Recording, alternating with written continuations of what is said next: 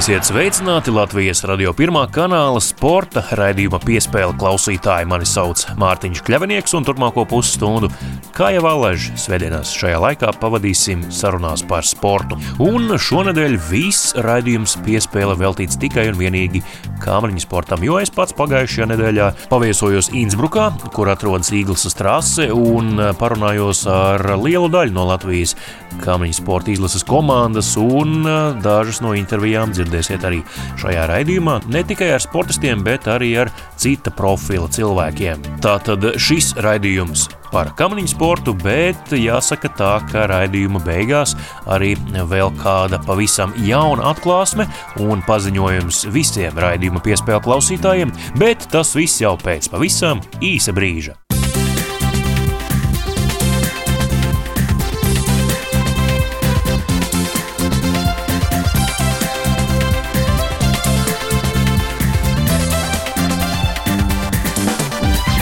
Šis raidījums veltīts kāmriņu sportam un tam, kā Latvijas labākajiem šī sporta veida pārstāvjiem veicās pagājušajā nedēļā Īglas trasē Innsbrukā, Austrijā. Es pats uz turieni devos vispirms ar lidmašīnu no Rīgas lidojot uz Mīnheni, savukārt pēc tam ar īrētu auto pa Austrijas kalnu ceļiem dodoties pāri robežai un uh, līdz pat Innsbrukai un arī Īglas trasē. Jāsaka tā, ka, protams, skati ļoti glēznaini, to jau stāstīju jums arī iepriekšējā raidījumā.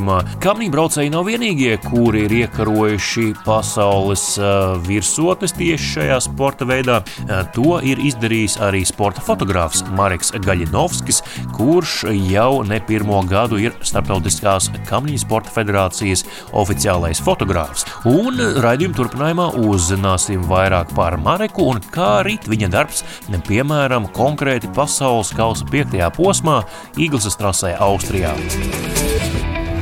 Startautiskās Kamniņu sporta federācijas fotogrāfs, kurš uh, fotografē katru posmu, ir Latvijas. Marks Gaļinovskis ir sarunā ar Latvijas radio sveiki. Sveicināti! Ilgi jau pildāt šīs funkcijas. Šādā lomā otro sezonu pilno ar ziemas sporta veidiem. Uz to esmu no jaunības pats septiņas sezonas aizvadīju trasē. Biju kādreiz kamaniņu braucējs. Nu, sporta fotografēju vairāk kā desmit gadus, gadus sešus pēdējos profesionāli Latvijā, Eiropā un nu, jau arī pasaulē tas, ka pats esat bijis kamniņu braucējs, zinat, nianses, tas palīdz fotografējot? Jā un nē, nedrīkst atslābt. Jāmeklē jauni veidi, jauni rakursi. Kaut kas interesants. Ja tu pazīsti kamaniņu sportu, nenozīmē, ka tu to vari labi nofotografēt. Gan tā virtuve jāpārzina iekšējā, gan atlētu raksturi, uzvedības, gan sacensību plāns, loģistika vispārējais nevar teikt, ka tas ir baigais trumpis. Jā, nu, kolēģi, draugi man arī vienmēr saka, nu, tu vari ceļot pa pasauli, apskatīt kalnus un sacensības klātienē, bet es jau viņiem skaidroju, ka žurnālisti darbs ir tāds skrējiens. Mēs jau daudz ko no tā šeit nemaz neredzam. Fotogrāfiem laikam ir līdzīgi. Jūs pirms sarunas teicāt, ka vispār minūtēm saplānots. Sacensību weekendā noteikti pat pa sekundēm. Viena diena nedēļā mums ir pārbraucieniem veltīti, kad mēs ceļojam no trases uz trasi, uz norises vietu, uz norises vietu. Un prasmīgi visu saplānojot, ir iespējams arī fotogrāfam kaut ko izbaudīt vairāk ārpus trases un parādīt arī skatītājiem, līdzjutējiem. Smuka peizāža, smuka ainava, smuka vide, jauna kultūra, jauna valsts, varbūt pat jauns kontinents. Iepriekš trīs nedēļas aizvadījām Ķīnā, kas bija tāda interesanta, jauna pirmsolimpiskā pieredze. Nu, skatītāji bija sajūsmā, ka varēja aplūkot šo visu ne tikai trasē, bet arī drusku ārpus trases. Kāda jums ir tehnika līdzi, cik ātri nospiežot podziņu fotografiju, ir kaut kur mākonī vai, vai jau pieejama kādam eh, apstrādēji? Tas noteikti ir pieejams lielo aģentūru fotogrāfiem. Diemžēl es nepārstāvu lielo aģentūru. Daru visu pats, nospiežu, eju, izdaru, aizsūtu, atkal spiežu kur trasi jums pašam patīk vislabāk, kur vislabāk ir fotografam būt un kur labākie kadri? Pilnīgi viss patīk. Katra ir atšķirīga, interesanta ar to, ka katru reizi būdams atkal un atkal tajā trasē jāmeklē kaut kas jauns, lai būtu interesanti neapnīk, tāpēc nav garlaicīgi. Sports žurnālistiem tāds nu, tā iekšējā tāda cenzūra ir, un tas arī nerakstītais likums, ka mēs neesam līdz tai nepriecājamies, gluži nelecam gaisā par latviešu panākumiem. Protams, aplaudējam, bet nu, tas nav tas labais tonis tiešām kā līdzjutējiem uzvesties, kā ir fotografam. Absolūti līdzīgi tā ir ētika. Protams, mēs varam papriecāties pie sevis, varbūt kādreiz drusku skaļāk, bet Tā ir ētika, kura ir jāievēro un jāciena kolēģi. Ja mēs šeit esam no visas pasaules, vairāk kā 40 nācijas, nu, mēs tā nevaram atļauties baigi izlikt. Šādi tādi varbūt ir unikālas iespējas vai situācijas, tās ir jāzina un jājūt, bet cārmērā jā, tev jābūt neatkarīgam. Un noslēgumā, kurš tad ir fotogēniskākais Latvijas uh, izlases kamniņu braucējs? Uh, es tā viņus nedalu. Katrā situācijā, katrā kaut kādā epizodē, katrs var izpausties kaut kā savādāk un interesanti un skatāmi. Uh, visi pozē, visi pozē. Gandrīz visi, gandrīz visi, gan mūsējie, gan ārzemnieki. Jāmēģina noķert momenti. Nevar teikt, tā, ka šis vienmēr smaidīs, šis vienmēr nesmaidīs. Jāķer momenti, tāpēc es tā esmu. Ķeram mirkļus un paldies par sarunu. Paldies! Lai veicas! viens mats ir trausls, bet, ja sapīt bizē, tu viņu nekad nepārrausi. Ja? Un muskuļu šķiedra arī bija kvijums. Turpina skanēt Latvijas radio pirmā kanāla sporta raidījums piespēle studijā Mārtiņš Kļavinieks, un šobrīd pievērsīsimies Latvijas labākajiem vīru kamaņu sporta pārstāvjiem un tam, kā viņiem veicās Īglesas trasē Austrijā. Neviens no viņiem nesasniedza spožus rezultātus, vienīgais, kurš um, bija tuvu sešniekam, bija Kristers Aparjots, viņa vīru sacensībās astotā vieta, jaunais Gins Bērziņš desmitais, savukārt Artūrs Dārznieks un Riks Kristens Rozī Balītis otrā desmita beigās. Raidījuma turpinājumā uzzināsim, kā katrs no viņiem šobrīd jūtas komandā un ko divi pieredzējušākie dārznieks un rozītis saka par jaunajiem kolēģiem Bērziņu un Aparjodu, un arī otrādi, ko Aparjods un Bērziņš saka par dārznieku un arī rozīti. Kristers Aparjots sarunā ar Latvijas rādio. Kāda ir Eagles sezonas, pasaules kausa sezonas vidū? Parasti jūs te braucat kaut kad sākumā. Manuprāt, tā atšķirība nav baigta lielā. Vienīgais tagad tāds izteikti ziemīgs laikapstākļi, tāda forša, saulains un um, stabili mīnus grādi ārā. Tas tiešām priecē, jo ledus uzreiz teiksim, tā, tā kondīcija ir krietni labāka nekā parasti sezonas sākumā, kad šeit ir pasaules kausa. Bet tā baigta atšķirība nav. Ne, neteikšu, ka baigi izjūt kaut kādu starpību. Baigo. Kā tu rezumētu savu līdzinājā pasaules kausa sezonu? No nu, es kāpju arī uz augstākā pakāpiena gola piedestālam. Laikam jau ir labas lietas, un šodien arī kaut kas pie kā jāstrādā. Jā, protams, ir tāds rūkstošs arī kā šodien, vai ne? Piemēram, tāda nepārāk labs sniegums no manas puses. Bet jā, iepriekš Sočos diezgan stabili, labi braucieni. Līdz ar to parādīju arī pats sev, uz ko es tomēr spējīgs. Un, ko lai saka, atliek tik strādāt un uh, iet uz to rezultātu, kuru gribās būt. Jūtaties jau nu, kā jaunākie komandā, bet tomēr līderi esat Abergīna. Nu, patreiz, tie, jā, paldies Kristinam par labiem vārdiem. Tiešām arī Džekiem pārējiem cepurnos Kristinam un Arčam cīnās un darās un, un trenējās un viss notiekās. Kā, jā, varbūt patreiz mazliet kaut kur pieklibo tas rezultāts no viņa puses, bet jā, ko es varētu pagīnt un sev pateikt, tad Nu, it kā jau strādājam uz to, lai arī būtu tas rezultāts. Un, uh, negribu teikt, ka citi nestrādā, visi citi tāpat strādā. Bet, uh, bet nu, jā, rezultāts pat, patreiz ir tāds, kāds, kāds viņš ir. Un, uh, uz to arī mēs ar Gintu ejam. Kā tev pašam patīk, ja ir kāds, kas ļoti cieši elpo pakausī nu, iekšējā konkurencē, vai tomēr tu vari tā pietiekami komfortabli justies kā pirmais numurs? Jā, protams, tas ir ļoti veselīgi. Tīpaši sportā tas ir uh, bez tā nekur. Uh, jo, eh, treniņu procesā viss tas eh, jau sāk jau iezīmēties vasarā, un viss tāpat arī svaru treniņos. Un, nu, visur nu, neiet runa tikai par kamniņu sporta trasē. Tā kā, jā, tas ir manuprāt ļoti forši. Un it īpaši arī no tā viedokļa, ka tre, ļoti daudz treniņus mēs aizvedam sezonas sākumā Siguldā, kur nu, tikai varbūt uz pāris dienām atbrauc pāris valsts sportisti labākie. Un, kā, jā, ir ko salīdzināties, un tas ir baigi forši.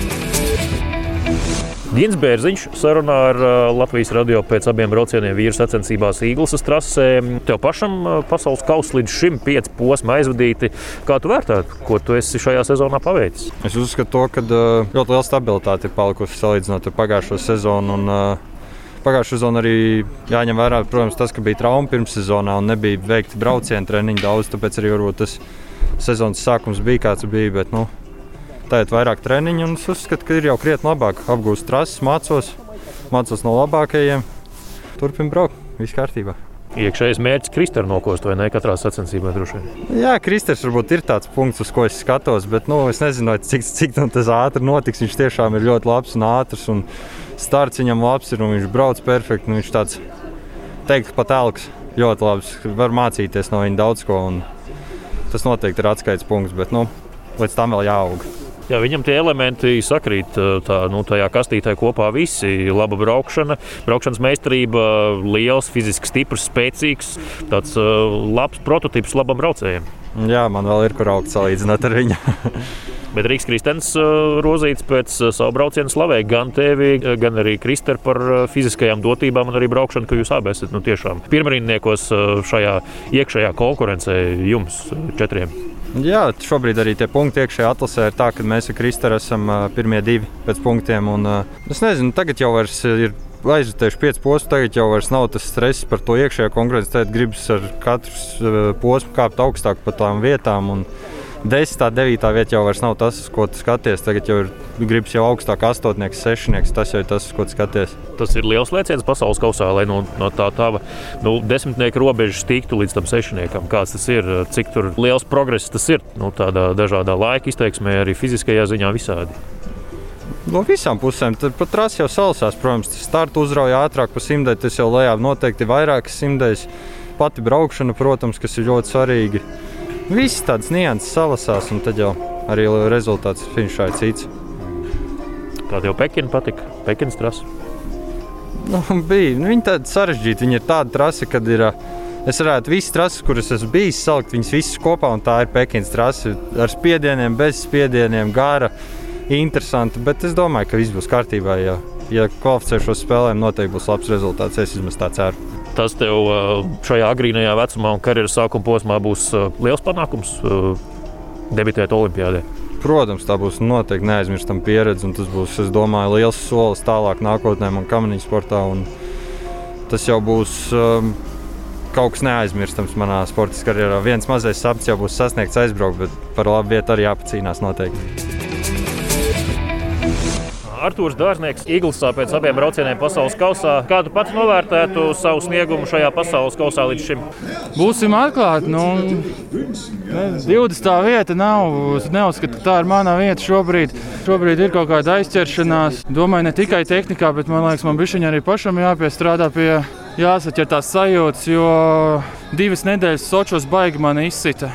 To es varu atklāti pateikt. Un... Galvā mentāli. Ja? Es domāju, vispār jā, arī tādā ziņā. Jā. Tur man galīgi negāja. Tur man vēl pēc tam mazas neforšas lietas tur sanāca, un tur bija labi braucieni, un 20 kura vieta tas jau ir. Nu, tas nav tas. Nu, piemēram, tā kā Ķīnā forši. Forši, nu, bija šansas labas, piemēram, un, un, un otrajā braucienā es nočakrēju, un tad es esmu 12. Ja. Tad, ir, tad ir tā patīkamāka sajūta, ja, ka tev ir šansa. Bet, nu, Bet nu, nekas vēl, protams, nav beidzies. Sezona ir tikai vidū. Jāizbrauc mājā, bišķiņa jāizveidina galva, jāsteig ģimene, jās, jāsamīļo meitiņa. Un, un, tad jau kurā mēs tur tieši pirms jaunā gada braucam atpakaļ uz Vintenburgu. Un tad atkal Siguldā mājas. Tur es domāju, arī būs forši. Tad cerams, ka skatītājs ielaidīs iekšā. Tā kā šodien šeit vismaz, cik es saprotu, laikam kā 300 ir, ir 300 cilvēki ir ielaisti iekšā uzreiz. Un cita, cita atmosfēra, kaut kāda kustība cilvēku un, un tas sacensību, tā garša arī uzreiz citādāk. Tā kā saprotu, kur sacensības nobrauc lejā, neviena nekur nav. Neviens uh, trases malā nekur negriež tos tīkšķīšus, nebuļāj. Tas arī patiesībā vispār baigi pietrūkst kopumā. Nu, tā sacensība, tā atmosfēra. Es tur, man liekas, es saprotu, Kristaps teica, ka Altenburgā pat dīdžai nesot bijis, ja viss klusums. Nē, kaut kāda mūzika jau tur laida, laida, laida. Tā, kas ir trases mūzika, parastā stumbiņa, tāpat kā mums treniņos ir. Bet tāda atmosfēra jau tas nerada. Nu, nu, nē, nē, nē, nē, nē parasti. Rekur vīrietis mums blakus stāv ar mikrofonu, uzreiz intervē visus, bļaustās, uzkurina publiku, visu. Nu, tā tā īstā sacensību gaisotne. Tas patiesībā diezgan pietrūks jau otro gadu. Tā Rīgas Kristēns Rozīts runāja ar Latvijas radio pēc finiša Eaglesā otrais brauciens. Es jau Artūram te teicu, ka kanādietis te izbļauj tādu frāzi, ka Eagles atkal uzvar. es neko nevaru izdarīt. Kā tev? Tā bija cīņa ar trasi vai tomēr ļāvies un plūdi tur tas brauciens? Teikšu atklāti, ka uh, salīdzinoši treniņiem šodien izdarīju vienkārši maksimāli, ko es varēju izdarīt. Jo treniņos, nu, bez diviem bortiem es finšā vispār nebiju ticis. Šodien pirmo braucienu jau veids diezgan ok. Startu bija šī tur, nu, nebija tas labākais sniegums startā. Otrajā braucienā it kā, it kā likās, ka ar tādām dusmām aizgāja rītīgi uzrāva. Bet, laikam, tas rezultāts tāds pats kā pirmajā braucienā startā. Nu, leju, jā, nāca no tās devītās ārā virāžas, kas ir tur tā taisnība. Un domāju, ka vajadzēs nedaudz pleciņu nolikt, bet pārcentos. Un, nu, jā, redzējāt, paši sanāca, vai redzēt, vai neredzēt. Bet, nu, sanāca, kā sanāca. Vienu bordu dabūju, kājas nācās piemest un vēl lejas daļā sakļūdījos. Nu, tāpēc arī tāds rezultāts. Nu, principā, lai šeit pa 15 pakāpētos, man principā divi pilnīgi perfekti braucieni un varbūt 15. Tas arī viss šoreiz. Kāda ir vispār tā trase ledus? Arthurs teica, ka, ja ir parasti sezonas sākumā šeit pasaules kausa, tad viņi ir tāda plūdenāka, bet tagad tāda aizaugusi vairāk. Kā, kā tu raksturot? Es pilnīgi viņam piekrītu, tāpēc, ka kas mums, mums jau ir decembris, parasti mums ir noteikti mēnesi, pusotru iepriekš sacensības. Tagad ledus lietas vairāk. Trase īstenībā ir reāli arī ātrāk nedaudz, jo tāpēc, kad mazāk metri ir jābrauc. Un ir grūtāk, jo nu, trase paredzēta, kādu viņi ir uzcelti braukt. Kad viņu vairāk aizlaiž, tad arī ir grūtāk. Bet, nu, visiem apstākļi vienu, un es neataisnoju to uz pilnīgi neko. Visi mēs cīnāmies par vienu trāsu, vienu ledu. Šodien laiks ir superīgs. Nav nekāds laikapstākļu sacensības. Nu, tā kā ir visgodīgākās sacensības, kas vien var būt. Kā Rīgam, Kristānam Rozītam šis pasaules kausa līdz šim, šie pieci posmi, kā tu vērtētu, rezumētu? Grūti atbildēt. Ķīnu es vērtēšu ļoti, ļoti pozitīvi, ļoti labi nobraucu. Salīdzinoši treniņiem pārējie ļoti bēdīgi patiesībā. Salauzu principā pēc, pēc Sočiem, kad pēc pirmā brauciena bija trešais. Es zinu, ka tas bija laikam sākas sacensības. Bet otrā brauciens nobrauc vēl labāk, un kas iebrauc finšā, ieraudzīja to 14. vienkārši nu, nolai, principā, nolaidās rokas. Jā, tieši tā arī bija. Un pēc tam 2,25 vietas. Nu, Nu, bez komentāriem, principā. Nu, slikti braucieni, nevis trāsa vainīga, komandas vainīgs, bet pilnīgi atklāti es esmu vainīgs pie šīm kļūdām. Tā kā, nu, pašam jābrauc, un tad arī var kaut ko izdarīt. Bet konkurence ir milzīga. Jaunie Kristers Gintu, nu, es pateikšu atklāti, viņi ir galsties pārāk. Par, vismaz par maniem pārtūru neteikšu, bet uh, par maniem viņi galsties pārāk. Tā kā, nu, Maličs, Džeki un viņiem nākotnē ir ļoti spīdoši. Tas nozīmē, ka tu pats apzinājies kaut kādus savus griestus, kur tu jau ar galvu varbūt esi atsities kādu brīdi un vairs tālāk netiec vai kā? Pa lielam, jā, jo ir, tā, ir tāda situācija, kad uh, nu, es braucu jau principā gan 17 sezonas, 16. Jā, un, uh, Es jūtu savu, savu limitu. Džeki ir spēcīgāki, ātrāki, liela auguma. Nu, es viņam netieku klāt, un uh, malači viņi ir. Uh, bet nu, es, es principā nevaru to izdarīt. Tā kā, tā kā es arī apzinos. Jā. Bet uh, pozitīvais, ka skatītāji rekur zvana zvanus un uh, plaudē, tā laikam jums vēl šo sezonu īsti nav bijis. Sočos laikam bija ļoti labi. Sočos bija pāris cilvēki. Šeit ir, cik es dzirdēju, līdz 300 cilvēkiem var būt perfekti. Vienkārši pilnīgi cits sacensības startā pat jau cilvēki bija uzbļāvi. Kā, nu, tas ir pilnīgi savādāk. Tas nav kā, aizbraukt uz parastu treniņu, te ir svētki, te ir beidzot svētki. Tas, tas man tiešām priecē. Puika atsūtīja īziņu, upi, tavi sapņi piepildās. Tā forma ir svarīga. Vairāk mēdījiem, skatītājiem, kā mūsu sportistiem, ir uh, cita forma. Sportiskā forma ir svarīga.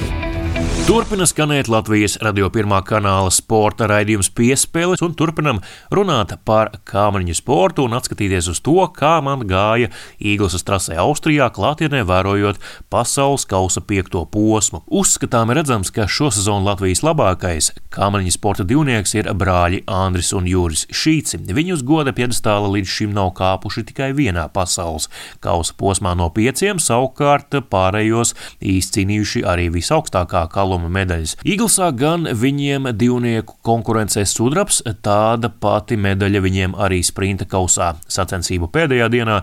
Savukārt brāļi Šīts ir lieliskā formā un gatavojas Pekinai, tāpēc šajā raidījumā viņus netraucēsim un neuzdosim viņiem jautājumus par to, kā šo sezonu gājis, jo visu jau pasaka priekšā viņu sasniegtie rezultāti.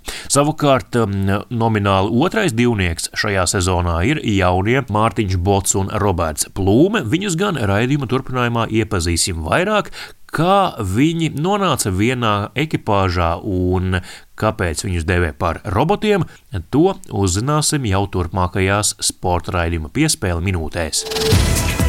Puika atsūtīja īziņu, upi, tavi sapņi piepildās. Tā forma ir svarīga. Vairāk mēdījiem, skatītājiem, kā mūsu sportistiem, ir uh, cita forma. Sportiskā forma ir svarīga. Labdien, es esmu Mārtiņš Bots. Un es esmu Roberts Plūme. Jūs bieži jaucat tie, kuriem jūs nepazīstat vaigā? Īsti nē.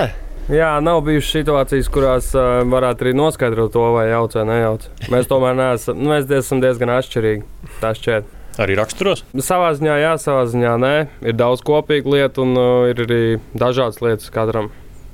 Divniekā tas ir labi, ka viens otru papildina, vai tomēr, ja būtu pārāk atšķirīgi raksturi, tad droši vien rīvētos viens par to otru un nevarētu sadzīvot. Kā jūs paši domājat? Es domāju, ka tas ir pozitīvi, labi, jā, jo, ja ir divi pretēji raksturi, ar to var arī rasties kaut kāds nesaskaņas un grūti ir sadzīvot. Un... Kā jūs attapāties vienā divniekā? Jūs kāds treneris salika kopā vai kā citādi? Īsti mūs salika, jā, junior treneris Ziņš Šaicēns. Viņam ienāca tā brīnišķīgā ideja galvā, jā, kad mums jābrauc kopā. Tā mēs arī sākām strādāt. Jā, un e, šī sezona parunāsim, protams, arī par to, kā jums patīk šāda, nu, teiksim, tā mājīga pieeja, jo nu, tā nav gluži debesu skrāpju viesnīca kaut kur lielpilsētā. Tas tomēr ir tāds, nu, nezinu, Latvijā talsos kaut ko līdzīgu droši vien varētu atrast. Gribētu teikt, ka braukt šeit, dzīvot šajā viesnīcā katru gadu ir e, ļoti patīkami, jo e, ne tikai pašā viesnīcā visa apkalpošana ir augstākajā līmenī, tāpat arī ja tu pamosties no rīta un pa logu ārā redzi tik burvīgus un liels kalns, tad nu, ir grūti pamosties sliktā noskaņojumā. Mm. Jā, pozitīvi ir vēl šajā viesnīcā tas, ka ir piešķirta diezgan ļoti liela kamana telpa, kur mēs varam tehniski rīkoties ar kamanām. Jo mm. daudzās citās viesnīcās tās kamana telpas, darbnīcas saucamās, ir mazākas, ne tik mājīgas vai siltas. Jā. Un šeit tomēr ir mājīgums un siltums un patīkami darboties un uzturēties tur. Eagles kā tāda, kā trase, starts ļoti svarīgs, spiedienu maz. Kā jums pašiem attiecības ar šo trasi konkrēti? Šo zonu skatoties, atšķirībā pret tām trasēm, kur mēs jau šo zonu esam braukuši, kā piemēram Sochis, spiediens bija ļoti liels. Un, un atbraukt šeit ir citādāk, jo spiediens ir mazs, bet uh, nevarētu teikt, ka ir nepatīkami. Trase, jā, svarīgs starts, uh, taču Trasē ir daudz ļoti piņķerīgas vietas, kuras vajag izbraukt ļoti precīzi ar pareizām līnijām, jo tā iespēja varianti, kā izbraukt šīs virāžas, ir dažādi, bet uh, ir jābrauc ātrākais noteikti. Kā jūs to visu liekat kopā, apkopojat savas idejas, kas nesenāk, kā labāk braukt pēc treniņiem, treneru uzklausat, kāds ir tas darba process iekšējais, kā jūs beigās nonākat pie tā nu, konsensusa, kā darīt pareizi tajā sacensību dienā? Trasē iekāpjot, mēs principā mēģinājām braukt kā pagājušo gadu, jo pagājušajā gadā mums eh, diezgan labi gāja un sanāca viss, un arī tās sajūtas bija patīkamas. Jā, bet, protams, ir katru gadu trase pamainās, jāuzklausa treneri, ja sāka pareizi un ir labi padomi. Jā, bet tā principā ir pašiem vairāk jārunā un jāuzklausa treneri, jāapskata video analīze un tā kaut kā tos kauliņus liek klāt. Jums arī Mārtiņš Rubens kaut ko savā laboratorijā ir tik labi saķīmiķojis, ka slīd kā nekad. Mm, negribētos uzsvērt vienu treneru. Es domāju, ka uh, visi treneri ir pielikuši savu roku un uh, tāpat arī mēs paši, lai tās komandas slīdētu tik ātri, cik viņas slīd šobrīd. Tā kā uh, liels nopelns visiem treneriem. Jūs paši arī rokaties tajā iekšā visā detaļās, kamanās, aptecētājos, liecēs, visā pārējā. Jā, mēģinām mēģinam, mēģinam izprast, mēģinām palīdzēt tik, cik varam. Mēģinām visiem maksimāli darīt, censties darīt pašiem. Pašiem viss nesanāk. Tādēļ eh, vēl tagad mācāmies, kā saka, varbūt pēc pāris gadiem mēs jau varēsim uzbūvēt kādu pašu savu dragaviņu. Kāda ir jums šī sezona? Pirms sezonas, principā, palikāt eh, nu, tāds eh, nosacītais otrais divnieks, jo tie, kur varēja pacīnīties par šo otro vietu aiz brāļiem Šiciem, izdomāja, ka neturpinās savas karjeras. Kādā situācijā jūs tikāt nostādīti un vai bijāt tam gatavi? Gatavi noteikti, ka bijām. Gribētu ticēt, ka mēs to pierādījām jau pagājušajā sezonā, jo nebija tā, ka šo vietu mums piešķīra. Mēs viņu izcīnījām ar savu darbu un rezultātiem. Vai bija viegli, vai bija grūti. Mēs tāpat turpinām koncentrēties uz labām sacensībām, neskatoties to, kas ir mūsu komandā vai nav komandā. Un, un kāda īpaša uzstādījuma par vietām, kas ir jāizcīna, mums arī nav. Mēs mēģinām darīt uh, visu pēc uh, tīras sirdsapziņas, un, un tā mēs arī turpinām strādāt. Kā pašiem patika Pekinas trase? Pekinas trase, jā, man, man vismaz personīgi patika. Man šķiet, ka Robertam arī jā, ir patikusi. Jā, ļoti saudabīga trase, kurā ir apvienot vairāk elementu no dažādām trasēm.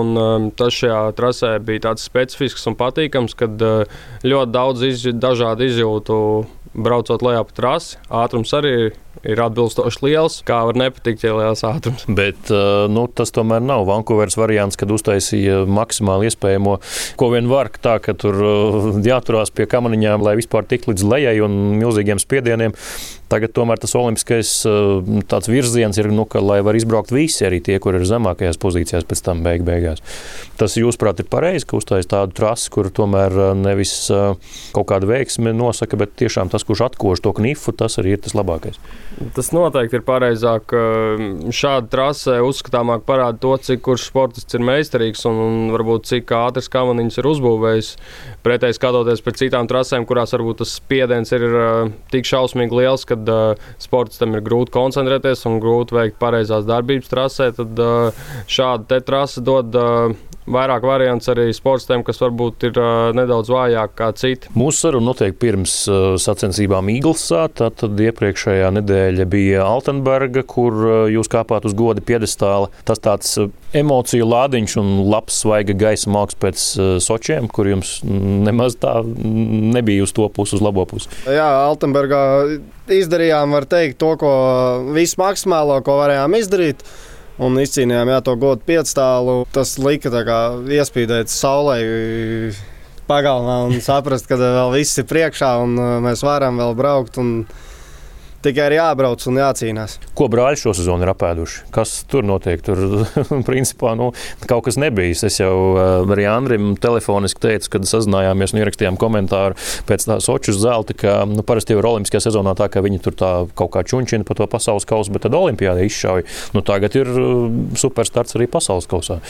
Jā, brāļi ir uh, ļoti labi strādājuši un uh, viss, ko viņi ir darījuši, šķiet, kad ir bijis uz pareizo pusi. Viņi kā īsti īsti profesionāļi ļoti labu attieksmi, to visu dara. Un, kā saka, labs vīns ar gadiem paliek tikai labāks. Jūs paši droši vien arī nu, uz viņiem skatāties. Nu, tomēr tas ir divnieks, kurš visvairāk sasniedzis Latvijas kamniņu sportā. Prasāt kaut ko vai, vai neuzbāzties viņiem? Cenšamies baigi neuzbāzties, bet uh, prasam, jā, padomus. Jā, jo tomēr viņi ir pieredzējuši sportisti un viņi mums var būt jau kā treneri principā jaunajam divniekam.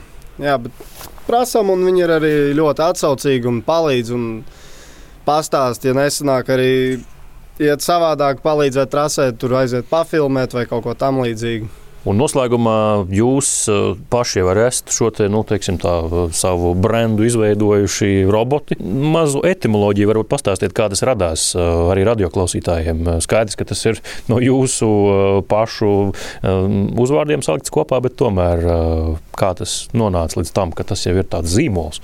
Um, brīdis, um, kad tas sākās, bija, kad mēs ar Mārtiņu bijām uh, pusauģu vecumā aptuveni 15 uh, gadus veci. Un, uh, vasarā braucot lejā pa trasi, viens no nu, jau bijušajiem uh, kamīņbraucējiem, Pēters Kalniņš, izklaides tādu frāzi, ka roboti braucot lejā. Īsumā mums tas vienkārši iepatikās, un, uh, un mēs pieķērāmies pie tādas domas, ka uh, tas ir uh, labs zīmols un uh, kad ar to var strādāt. Tā mēs vēl šobrīd esam pie tā pieķērušies. Jums ir arī kā slaveniem, nezinu, uh, YouTube satura veidotājiem vai kādam citam savs eh, veikaliņš ar, ar vietni, kur nopirkt cepurītes, vai tik tālu tas vēl nav aizgājis? Konkrēti vieta nav, nē, bet uh, mēs pie tā strādāsim. Noteikti. Tas jūs arī izceļ uz pārējo fonu komandā, droši vien, jo citam nevienam nekas tāds uh, nav. Nu, varbūt šitiem ir sava komanda, jo viņiem tas ir uzdrukāts uz busiņa, bet uh, tas jau arī gadu gaitā veidojies. Gribētu ticēt, ka tas izceļ, bet uh, mēģināsim strādāt tā, lai. Uh, mūsu rezultāts spētu mūs izcelt. To arī novēlam. Paldies par šo sarunu, paldies, ka atradāt laiku, un tad jau tiekamies sacensībās trasē. Ja, paldies! paldies. Līdz ar to arī izskan šīs nedēļas sporta raidījums piespēle. To veidoju un vadīju es, Mārtiņš Kļavinieks. Par labskaņu, kā vienmēr, parūpējās Nora Mītspapa. Vēl pirms atvados divi svarīgi paziņojumi. Kā jau katru nedēļu atgādinu, ka raidījumu piespēle varat meklēt jebkurā sev ērtā raidierakstu jeb podkāstu klausīšanās vietnē tīmeklī. Savukārt otrs paziņojums ir raidījums piespēle tādā formātā, kā līdz šim izskan pēdējo pēdējo reizi, un nākamgad jau 2. janvārī pirmais jaunā formāta sporta raidījums piespēle. Proti, tas pats raidlaiks svētdienās, vienos un piecās dienā. Arī viens no vadītājiem tas pats, es Mārtiņš Kļavinieks, man piebiedrosies arī mans kolēģis Māris Bergs. Tas būs garāks, 40 minūšu, un būs arī diferencētāks. Jaunas rubrikas, jaunas vēsmas, un katru nedēļu mēģināsim aptvert nevis to, kas nedēļas laikā noticis Latvijas un pasaules sportā, bet vairāk pievērsties kādam vienam konkrētam tematam vai sporta niansē. Paldies, ka klausījāties raidījumu piespēle šajā 2021. gadā, lai jums priecīgi svētki un laimīgs nākamais gads, un tiekamies jau pavisam jaunā sporta raidījumā piespēle pēc nedēļas.